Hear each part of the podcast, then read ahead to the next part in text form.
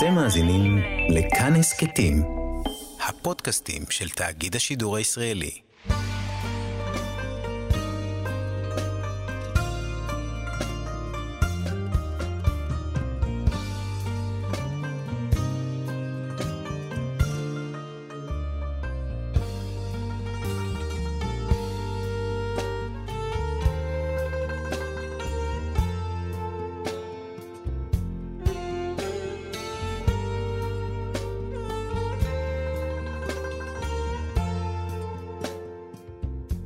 שלום כאן מורשת חברותה, לימוד משותף עם רבנים ואנשי חינוך בנושא תנ"ך, הלכה ואמונה. היום אנחנו לומדים הלכה יחד עם הרב רועי מושקוביץ, ראש בית המדרש, רועי ישראל הלכה למעשה, וכאן ליד המיקרופון ידידיה תנעמי, שלום לך כבוד הרב. שלום, וערב טוב, רבי ידידיה לך ולכל המאזינים והמשתתפים איתנו. אנחנו רוצים ללמוד היום את הדינים של הפרשת חלה, המצווה החשובה שמופיעה בפרשת שלה כתיקון לחטא הרגלים, מצווה שקשורה לביאה לארץ. נכון מאוד. בעצם אנחנו מדברים פה על אחת המצוות אולי הגדולות, החשובות שיש לנו, ויש מקום כמובן לדון ולחקור מהיכן מגיע אותו מצוות הפרשת חלה, האם היא חלק ממתנות הכהונה, ככה היה אסור לומר, שזה אחד מכ"ד מתנות הכהונה. אלא שאנחנו צריכים לדין, לדון ולהבין שמצוות הפרשת חלה היא נידון מאוד מאוד גדול וחשוב בפועל. ויתרה מזאת, האם החובה היא דווקא על נשים או גם על גברים? וכמובן, כמו שהזכרת, רבי ידידיה, שהפרשת חלה, המצווה ניתנה לבבואכם לארץ. מה קורה היום בחוץ לארץ? האם היום בחוץ לארץ יש חובה להפריש חלה או לא? דבר ראשון, אנחנו יודעים שבחודש השבוע אנחנו מדברים על בראשית ארצותכם תפרישו חלה להשם.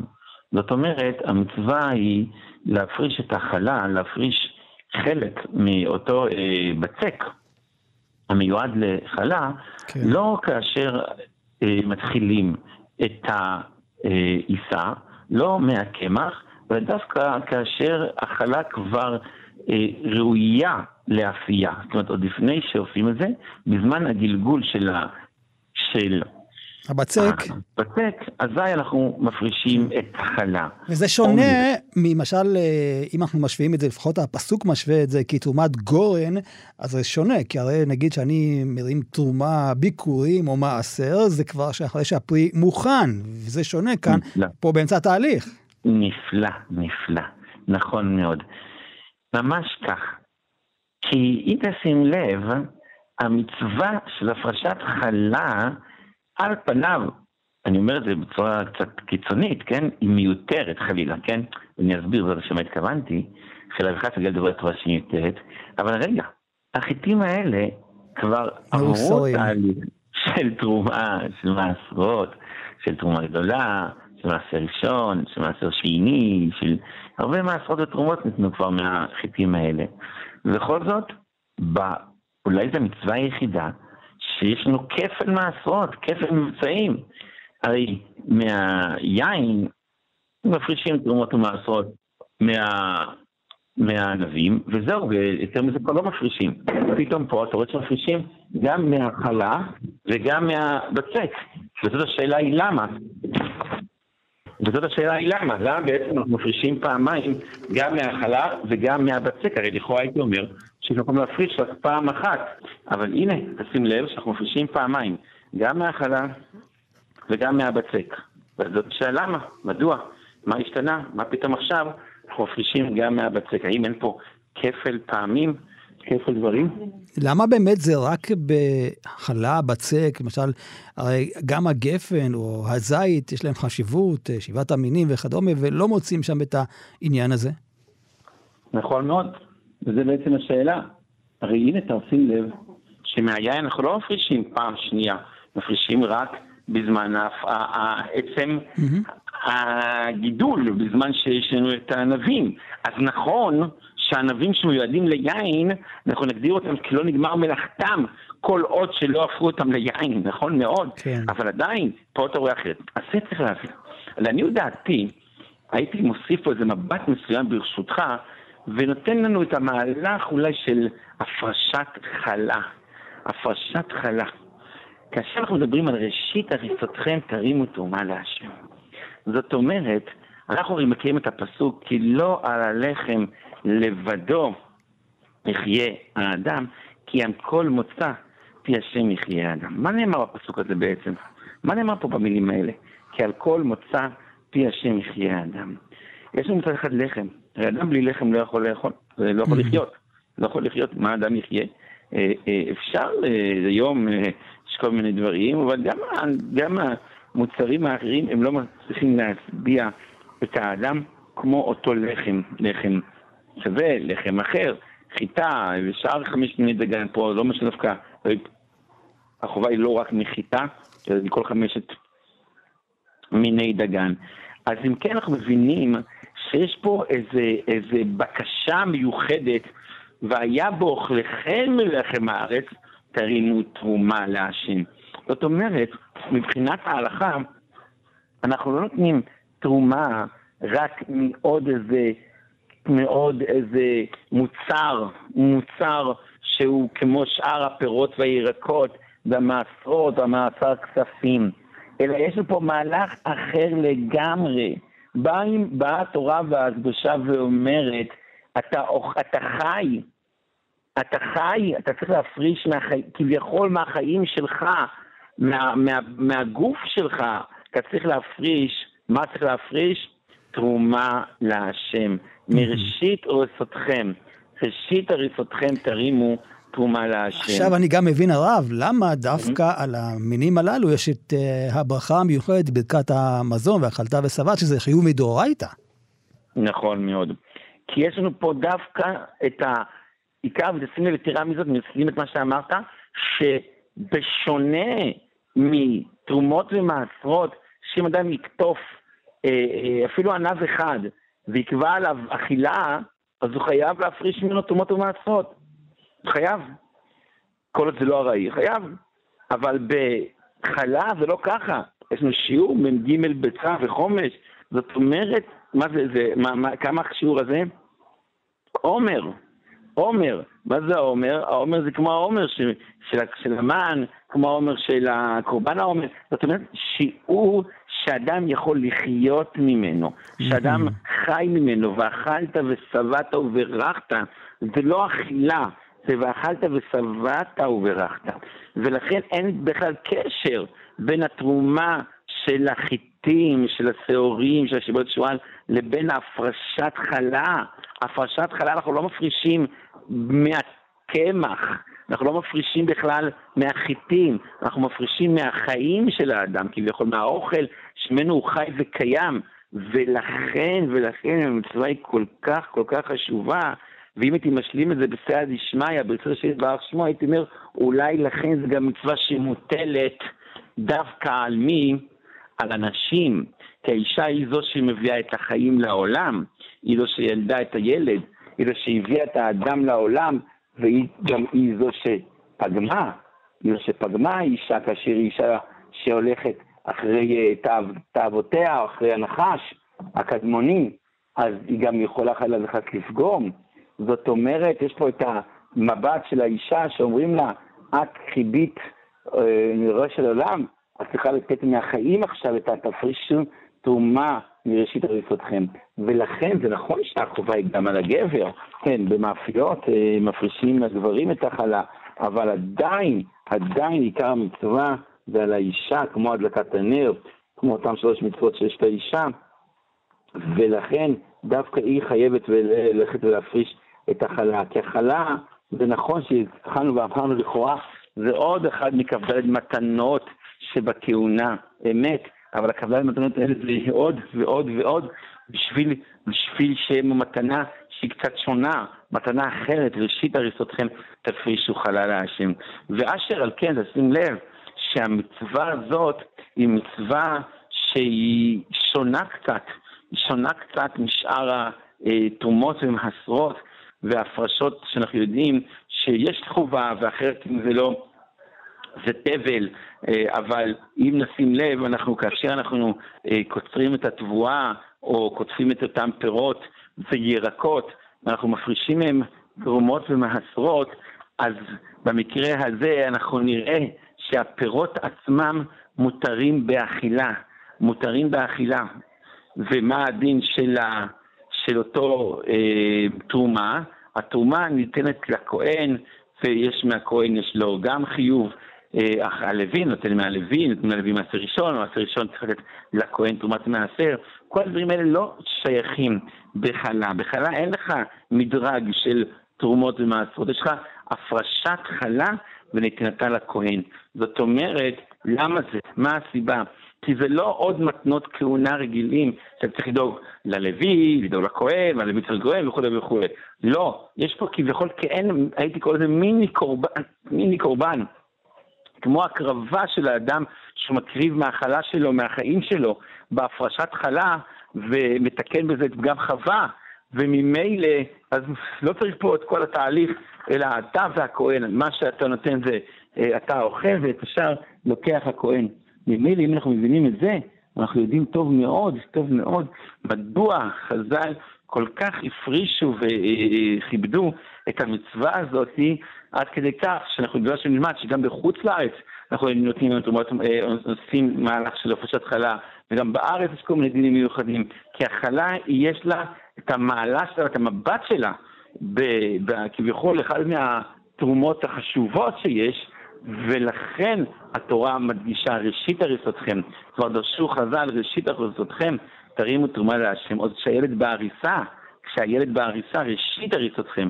כשהילד הוא תינוק, כשרק עכשיו נולד, כבר אז תכוונו אותו לצורך קדושה וטהרה תרימו תרומה להשם. הרב רועי, האם המצווה הזאת היא מצווה של תוצאה? זאת אומרת, ברגע שאני אה, הכנתי את העיסה, את הבצק, אז ממילא אני חייב. או שיש אה, בעצם המצווה חשיבות, וכדאי מאוד שאני אעשה בצק כדי שאני אפריש חלה. יפה מאוד, יפה מאוד. זאת למעשה אחד המצוות המוגדרות, מצוות קיומיות ולא מצוות חיוביות. זה דומה מאוד למצוות שחיטה.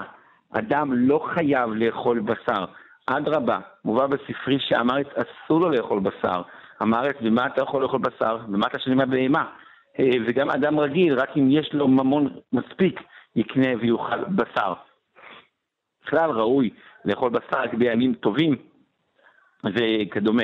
אבל הנה, אדם יש לו מצווה לשחוט. האם יש חובה לאדם לאכול בשר? לא. אבל אם אתה אוכל בשר, אתה שוחט. מוגדר כמתיר. המצווה היא מתירה לך את, ה, את האכילה, את הבשר, ולכן אין לך חובה. עדיין, עדיין, גם מצוות קיומיות, יש עניין לקיים אותן. לדוגמה, רואים את זה מפורש בציצית. וזה אם תשים לב, גם בפרשה הזאת אנחנו מחברים את הפרשת חלה לאחר מכן עם הציצית. נכון. הציצית מביאה גמרא סיפור מדהים. כמדומני רב קטינה, שלא לבש ציצית, הוא פגש את המלאך, והוא אומר לו המלאך, רגע, למה אתה לא לובש ציצית? הוא שאל שם אם הציצית היא מצמא, אם חובת גברא, חובת מנה. אז הוא אומר לו, אומר לו רב קטינה, מה זה משנה? הרי אין חובה ללבוש ציצית. אין חובה ללבוש ציצית. אם אתה לובש בגד ארבע כנפות, אז אתה חייב להטיל בה את הציציות, אבל אין חובה ללבוש אותה לכתחילה. אז הוא שואל אותו אם ככה, למה אתה בא בטענות, האם הם מענישים על זה בשמיים, מי שלא לובש ציצית, לא מכיר, אומר לו, נכון, אין חובה, אבל בעידנא דריתחא, חלה וחס, אז כן, אפשר, בית שמיים כן יכולים להעניש שלא נדע.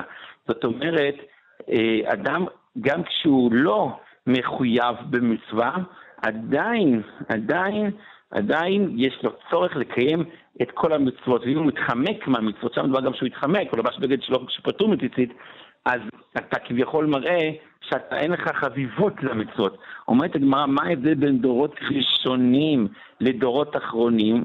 דורות ראשונים היו מכניסים את הפירות דרך השער, דרך החצר, בשביל להתחייב בתרומות ובמעשרות. דורות אחרונים מכניסים דרך גגות וקרפיפות, שאין צורך להסר. זאת אומרת, מה אנחנו לומדים מזה? שיש טרוניה מסוימת לדורות האחרונים. אתם מתבקשים להתחמק מהמצווה, זה לא צורה. אז לכן, כן, כן, לכתחילה אדם ישתדל לקיים את המצווה, לקיים את המצווה של חלה.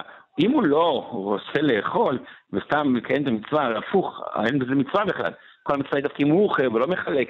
זאת אומרת, כן, אדם ישתדל, אם יש לו אפשרות להכין כמות, שלא יתחמק מהמצווה יכין כמות אה, דווקא פחותה, אם נגיד דעת השולחן הספרדים קילו 660, אז לא יכין קילו 300 או קילו 200, אלא אם כבר אתה מכין, אז תכין את הכמות ש, שאתה מחויב בה, לא להתחמק. אנחנו נלמד שלגבי מצות, בהפרשת חלה של מצות, אנחנו בכוונה לא מכינים כמות גדולה, וזאת בשביל אה, אה, לא להתחייב במצה, זה גדר אחר, כן. בגלל הנושא של, החמ... של שלא יחמיץ. ובשאר המקרים ודאי שיש צורך ללכת ולהכין ולקיים את כל מה ש... אה, לקיים את המצוות, וזה הוא מוסיף לעצמו שכר, וגם בעידנא דריתחא הוא ינצל, בת השם, בשעה טובה. חברותה עם ידידיה תנעמי חבותה כאן במורשת חבותה בהלכה, יחד עם הרב רועי מושקוביץ, ועכשיו אנחנו ניכנס לדינים של הפרשת אה, חלה, וכבר הרב הזכיר את המינים שרק עליהם אה, אנחנו מפרישים חלה, שוב מבחינת החשיבות של הלחם, כפי שהזכרנו, ברכת המזון, מצות אה, וכדומה. והשאלה היא האם אפשר לבוא ולערבב בין המינים. זאת אומרת, נניח שאני מכין עכשיו חלה שהיא משולבת בדברים, נתחיל אולי עם הדברים הפשוטים, נגיד אה, קמח אה, לבן עם קמח מלא, או קמח אה, מלא עם קמח שיפון וכדומה. האם צריך כל מין בנפרד, או שאפשר לחבר? יפה מאוד, שעה מאוד מצוינת ומאוד נכונה. ממתי ומתי באמת חייבים את ההפרשת חלה, והאם יש חובה דווקא מחיטים, גם משאר מינים. רק צריך לדעת שדבר ראשון, המשנה במסכת חלה מביאה, זה המובא בגמרא במנחות, שחייבים דווקא מחמש מיני דגן. דווקא מחמש מיני דגן, ודווקא מ... כמו שאמרנו, מ"ג ביצים וחומש ביצה, זה הכמות של החלה. היום אנחנו יודעים שמחלוקת בין הפוסקים, האם זה קילו 660 או 2 ורבע, 2,250, שאז רק מאז הוא מחויב בהפרשת חלה עם ברכה, והשקל לפחות מזה, מקילו 200-300, כבר חייבים בהפרשת חלב, אבל ללא ברכה. כן, רק נדייק הרב, כשאתה הרב אומר אה, לפי קילוגרם, הכוונה זה בתרגום לנפח, כי ראיתי שיש הבדל למשל במשקלים, בערך של קמח מלא וקמח לבן, אז לכן צריך לחזור למקור לפי הנפח, נכון? קודם כל, פי נפח זה נכון, אבל למעשה אנחנו צריכים לדעת שכלי שמחזיק, זה הגדרה, כלי שמחזיק כזה שיעור, אז הוא מחויב, כן, נכון, נכון מאוד. על כל פנים, כמובן, גם הנפח רק מה, איזה, אם זה ממש נפוח זה גם לא, כיסא אוויר למשל, כן. אז ברור שקילומטר זה לא נחשב. על כל פנים, אז זה הכמות המחויבת, כל אחד כמובן לפני שהוא עושה, ידע, ישאל ויברר באופן נקודתי. אנחנו יודעים שחמשת מיני הדגן כולם חייבים בהפרשת אה, חלה, וזה דווקא, יהיה לנו חילוק בין הכנת העיסה. זאת אומרת, אם אדם הכין עיסה, בצק, מתחילתה, שהקמחים מעורבבים, הכניס לתוך קערה מספר קמחים, קמח חיטים, שעורים וכדומה, וערבב אותם ביחד עם מים, בכזה מצב, אז הוא מחויב ככל שיש כמות, למרות שכל מין לבד אין כמות המחויבת בחלה, עדיין, כיוון שהם ביחד מופכים לביצה אחת, לעיסה אחת ובצק אחד, אז הם מחויבים בחלב. אבל אם אולי כל מין לבדו, ואין בו שיעור של חלה, ולאחר מכן הוא הדביק אותו, אה. בכזה מצב זה לא יצטרף, אלא רק מה שהמשטרה מציינת, חיטים עם קוסמי, קוסמים עם כל דבר, סורים עם הכוח, חוץ מחיטים, זה חילוקים. זאת אומרת, אף יהיה חלוקים בין סוגי המינים, כי לא כל מין יכול להתערב עם חברו. אנחנו נראה את זה גם בעוד דברים, למשל, דברים יותר פשוטים. כן, אדם מכין אה, שני בצקים, בצק בשביל בורקס מלוח, ובצק בשביל אה, חלה מתוקה.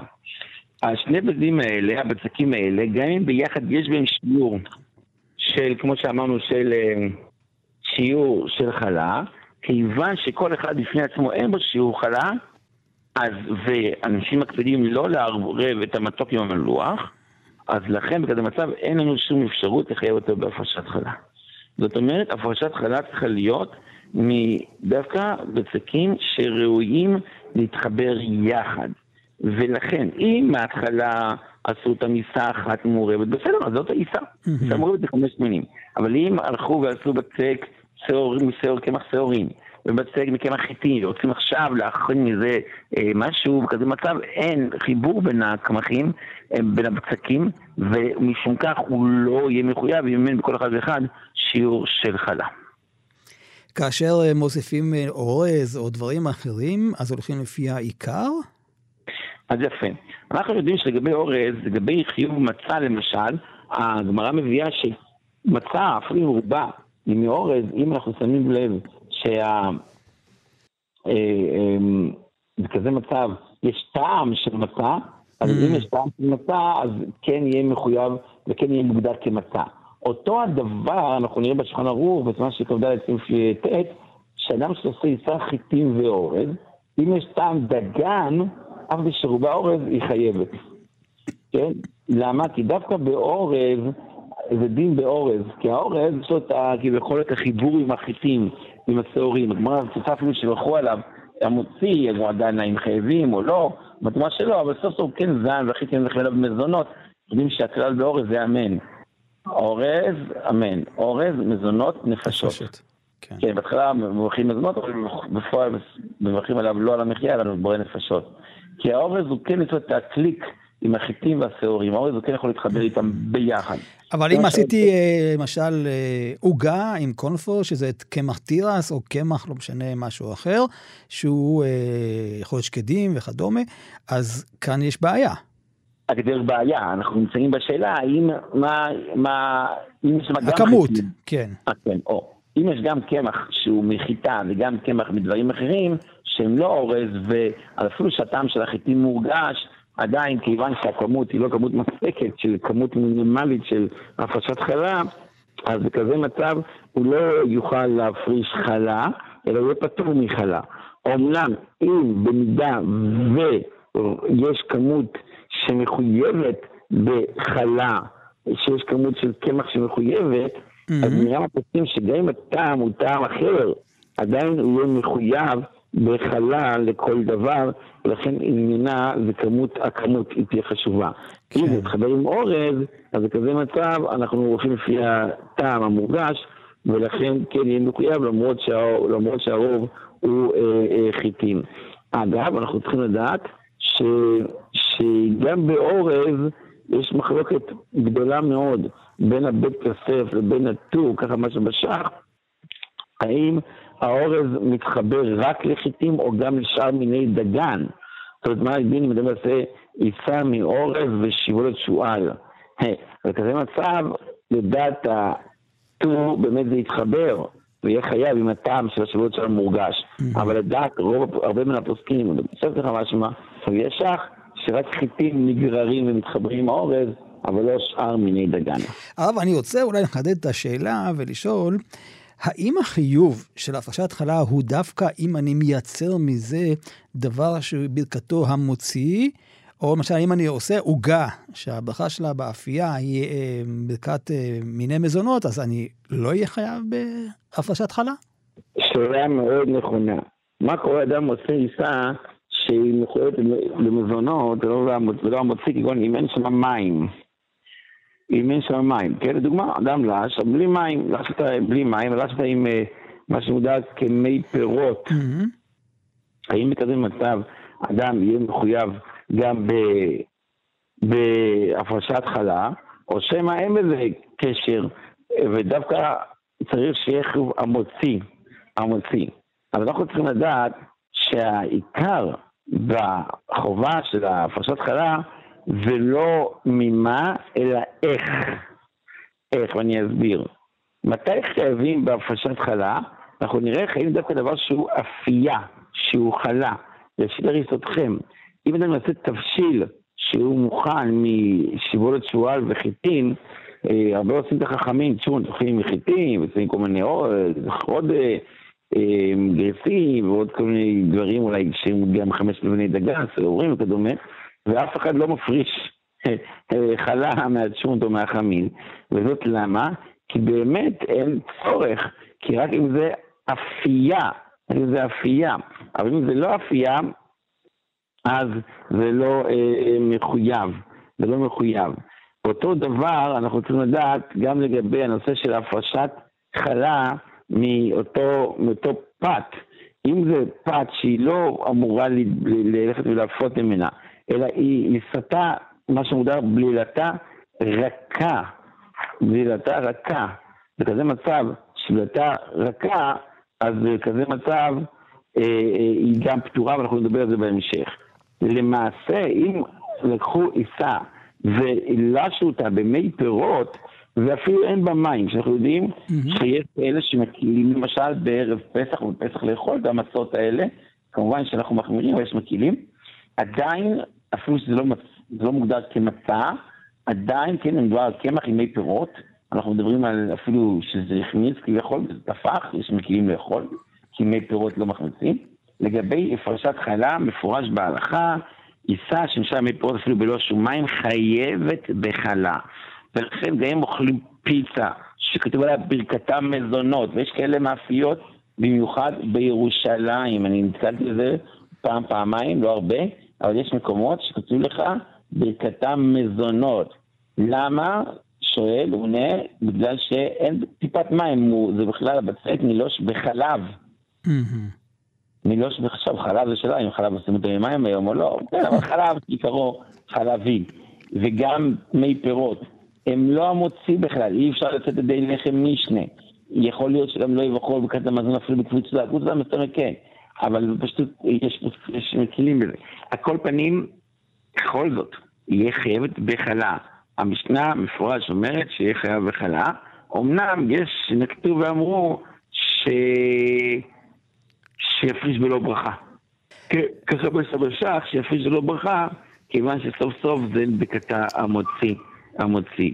אה, כאשר אנחנו מדברים על, אה, על אה, מי פירות, אז אנחנו דנים ואומרים שיש לנו כמובן שבעת המשכין. שבעת המשכין, עכשיו זה ודאי שזה מחויב, אם זה בשבעת המשכין, אז בזה מצב יש מקום להגיד שזה לא מקבל טומאה, ואז בכלל יש בעיה עם החלה הזאת, ולכן יש להיזהר מללוש מבית פירות שאין בהם בכלל שבעת המשכין. בוא ניגע הרב, אה, איך עושים זאת? זאת אומרת, אה, מפרישים ואומרים את התפילה, ומה עושים אחר כך עם החלה עצמה, שקרצנו מהבצק? נכון מאוד. הדבר הראשון אמרנו שעדיף תפי. ללכת וללוש את הבצק, ואחרי שנשים, אם הזאת, כמו שהזכרנו, היא ראויה לאפייה והיא לא בלילתה רכה, זאת אומרת זה לא מים, לא כמו שמכינים בלינצ'ס וכדומה, שזה ממש מימי, ממש עיסה כבדה, עיסה מכובדת, אז בכזה מצב אנחנו יודעים שהעיסה הזאת מחויבת בהפרשת חלה. אז איך אנחנו עושים את זה? איך מפרישים את החלה? אז אמרנו שכמובן מדובר בזמן כזה שכבר הבצק מוכן וראוי, לא קמח, אלא ממש בצק מומש. כאשר הולכים לבצק כזה, אנחנו צריכים שיש שיעור שהזכרנו, שתיים ורבע קילו לדעת החזון איש, או קילו 660, צריך שזה יהיה בכלי אחד, שזה יהיה מחובר. אז גם אם זה לא בכלי אחד, אלא בשני uh, קערות, כן, אז בשתי קערות האלה אפשר לחבר את הבצקים על ידי חיבור שיהיו מחוברים ממש, חזקים, ואז החיבור הזה יכול לחייב גם אם זה בשתי קערות, עדיף לך לעשות שזה מוגדר כקערה אחת זה מן המוקף. ואז מגיעים למצווה. המצווה היא כמובן, לכתחילה אדם יברך, אנחנו יודעים שמברכים סמוך לעשייתה, לכן קודם יברך, ואחרי שמברך, רק אז הוא יוציא את הבצק מהעיסה. רק אחרי שמברך, יוציא את הבצק. עדיף שיוציא שיעור כזית. יש שנקטו, וזה קטנה לחומרה, להוציא את הבצק מכמה מקומות. לא ממקום אחד, אלא מכמה מקומות שבעיסה, לא יודע אם זה, לא יודע אם זה חובה, יש כאלה שנגדו, אולי כי הבצקים לא אותותם, כמו שהזכרנו, אולי קצת מעורבבים מאוד דברים, ולכן אנחנו נשים לב שממש לוקחים את הבצקים מכמה מקומות, וכמובן, כאשר אנחנו מברכים את הברכה, פה כבר אנחנו נכנסים למחלוקת מאוד גדולה, איזו ברכה מברכים על הפרשת חלה. יש שיגידו שמברכים להפריש תרומה. יש שיגידו להפריש תרומת חלה. יש שיאמרו תרומה של חלה. יש הרבה, או להפריש חלה. כל אחד עם, ה, עם המנהגים שלו. אנחנו יודעים שהרמב"ם אה, אמר תרומה, אבל אה, בטור, אשמח משהו להפריש חלה. המהרש"ל אומר להפריש תרומת חלה, ככה באשכנזים יותר נוהגים. אה, יש שכתוב מן העיסה, יש כמו שלא צריך. אז למעשה אנחנו מבינים שהדבר הזה נושא מאוד מאוד מעניין, ולכן כל אחד יפריש ויברך כדרכו וכמנהג אבותיו, או במקרה הזה, אמותיו.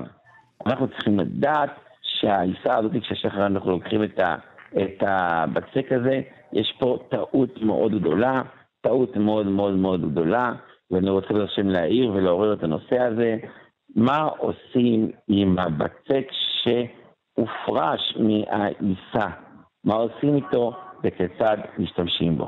אז הרבה פעמים אנחנו נשים לב שנשים פשוט אופים אותו ביחד עם, עם הבצק, עם האכלות שהכינו, או עם העוגה. בכזה מצב יש הרבה סיכוי שכל המאפים שהם הכינו פשוט אסורים באכילה. וזאת למה? כאשר אדם מפריש חלה, החלה הזאת, כמו שהגדרנו, דינה תבל. היא הרי צריך לתת אותה לכהן. זאת אומרת, ההפרשה של החלה הפכה את העיסה מתבל לתרומה. הרי עד שהפרשנו חלה, כל החלה הזאת אסורה באכילה, תבל. והפרשנו את הבצק, את הכמות, הכזית הזאת, ערכנו, ויצרנו פה תרומה לכהן. זה כמובן חובה שתת את זה לכהן. לצערנו, נתנו רבים, התרומה היא טמאה ואסורה באכילה. עכשיו, אם אנחנו נאפה את זה יחד עם הבצק, למעשה עשינו איסור ביחד עם בצק של היתר.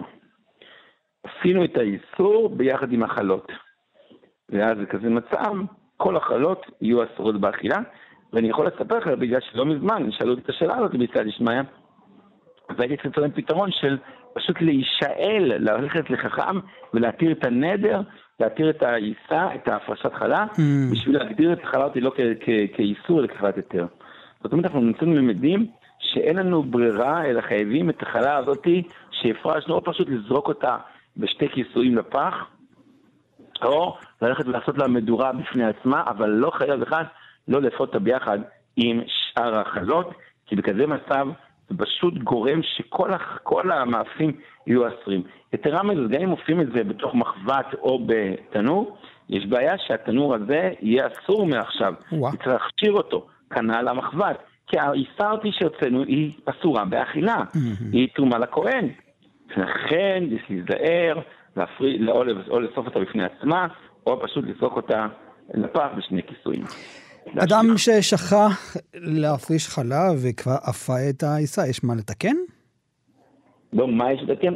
חייב לתקן גם כאשר החלה כבר מוכנה, הבצק מוכן, אתה מה שיש בו מאפים וחלות, גם בכזה מצב אדם יכול להפריש, והזכרנו את חג הפסח, זה מצות של חג הפסח, אנחנו לא מפרישים לפני, כי אנחנו בכוונה מכינים כל נגלה של הכנה של מצות פחות מקילו, או עד קילו, בשביל לא להתחייב במצה, בהפרשת חלה, בשביל שאם נתחייב, אז ממילא יהיה לנו בעיה שאנחנו לא עושים, אנחנו לא עושים כמויות גדולות בשביל שהבצק לא יחמיץ, ובסוף אנחנו כן נהוג ללכת ולחבר את כל המצות יחד, ומתוכם להפריש חלה, ככה גם ראוי וצריך לעשות מי ששכח ולא הפריש קודם. חברותה עם ידידיה תנעמי. חברותה בהלכה כאן אה, במורשת יחד עם הרב רועי מושקוביץ, ועכשיו אנחנו רוצים אה, לנסות אה, להבין מי בעצם חייב להפריש. האם האדם שהוא הבעל העיסה, בעל הממון, או אותו אדם שמתעסק בעיסה, ואנחנו יודעים שבדרך כלל מי שמתעסק בעיסה זה הנשים, אז אולי בגלל זה העיסה בדרך כלל נקשרת בשמן? Hey, יפה מאוד.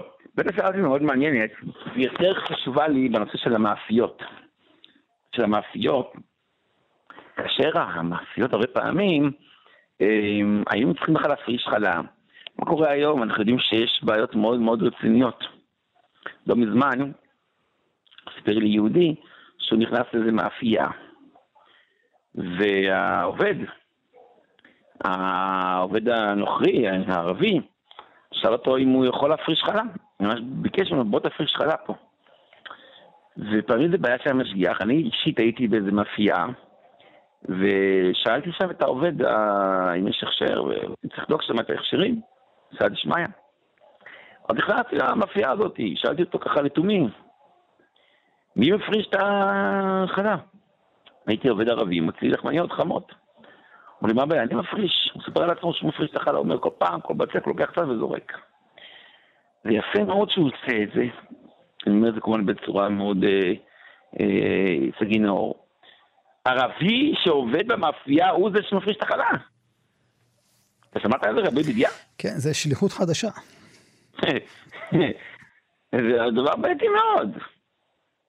אז בסדר, יש הכשר, אין הכשר, המשגיח, סיפורים, אבל איך זה שייך כזה דבר? איך זה שייך? באמת, תשים לב, יש נפלאות בבני ברק, שממש, אתה רואה שם, ממש, יש הרבה בקשות של נשים, יש עניין של סגולות וכל הדברים בהפרשת חלה, שהן באות ומבקשות להפריש חלה, עד שעות מסוימות אפשר לבוא באמת להפריש חלה. אבל למה בעצם אה, הם יכולים, כי קיבלו כאן דין שליחות? כי בסופו של דבר כן. זה לא העיסה שלהן. נכון, אבל שליחות, דין שליח אדם יכול להפריש. תרומות ומס. עוד נמצא כמובן בעל הבית, עדיף מאשר על ידי אחר, אבל אפשר על ידי שליח. אבל יתרה מזאת, יתרה מזאת, האם הדבר הזה, שמתי מפרישים את הבצק, זה אחת הבעיות הכי קשות במאפיות. הרי כמעט ולא שייך שכל פעם הפרישו כל פעם שמכינים עיסה. כי לא כמו הרי עובדים זרים עושים את זה או בשעות לילה, לא תמיד המשגיח נמצא, לא תמיד כל המהלך הזה שייך. אז הרבה פעמים מצאו פתרון להפריש בבוקר, על כל היסוד שיהיו. וזה אתה נכנס בנושא הלכתי מאוד סבוך, האם אפשר להפריש על דבר שעדיין לא, לא בא לעולם. לעולם. להפריש עכשיו כמות בצק על בצק אחר.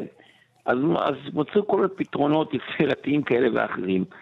ולכן, שים לב, אנשים חושבים, נו, מה יכול להיות בלחמניה, עם- בלחמניה? מה יכול להיות בפיתה? מה, איזה איסורים? אתה יכול להיות למצב של תבל. אדם שקונה במקום שאין הכשר טוב, אני אומר הכשר טוב, אני לא אומר את זה סתם.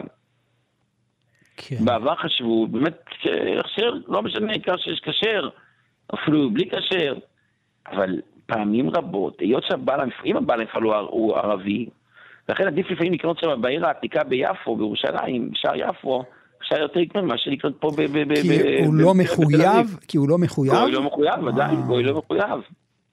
ערבי לא מחויב. אז יכול להיות שתולעים, התולעים ריסקו אותם, כבר לא בעין. כן. אבל פה, כשאתה קונה במאפייה, אתה נכנס פה בתל אביב, או ברמת גן, או אפילו בבני ברק, זה לא משנה. וקונה מקום עם הכשר מהודר, שיש פיקוח של ההכשר, אתה יודע, שהפרישו חלה, האיסור הוא חמור ביותר. כן. הרב, אולי ניקח דוגמה, יש הרי את הערבי הפרשת חלה. אז שם הרי צריך להקפיד שכל אחת שלשת העיסה, היא תפריש מהעיסה שלה, או ששוב, מראש הם. הם קובעים שיש כאן שליחות. אז מה שקרה בהפרשות חלת האלה, המוניות, וכל לקיים מצווה, עשו, עשו דבר שהוא בעייתי. כי יש לנו דין שחלה המועדת לחלוקה לא מחויבת בחלה. אה, זאת אומרת, אם אדם מכין בצק, והוא אומר מראש, אני, הוא לא משתמש בכל הבצק, הוא מחלק את זה מראש לכמה אנשים, הוא לא מחויב בכלל בחלה. וואה, זה ברכה לבטלה אז. בחלה בצלה, נכון.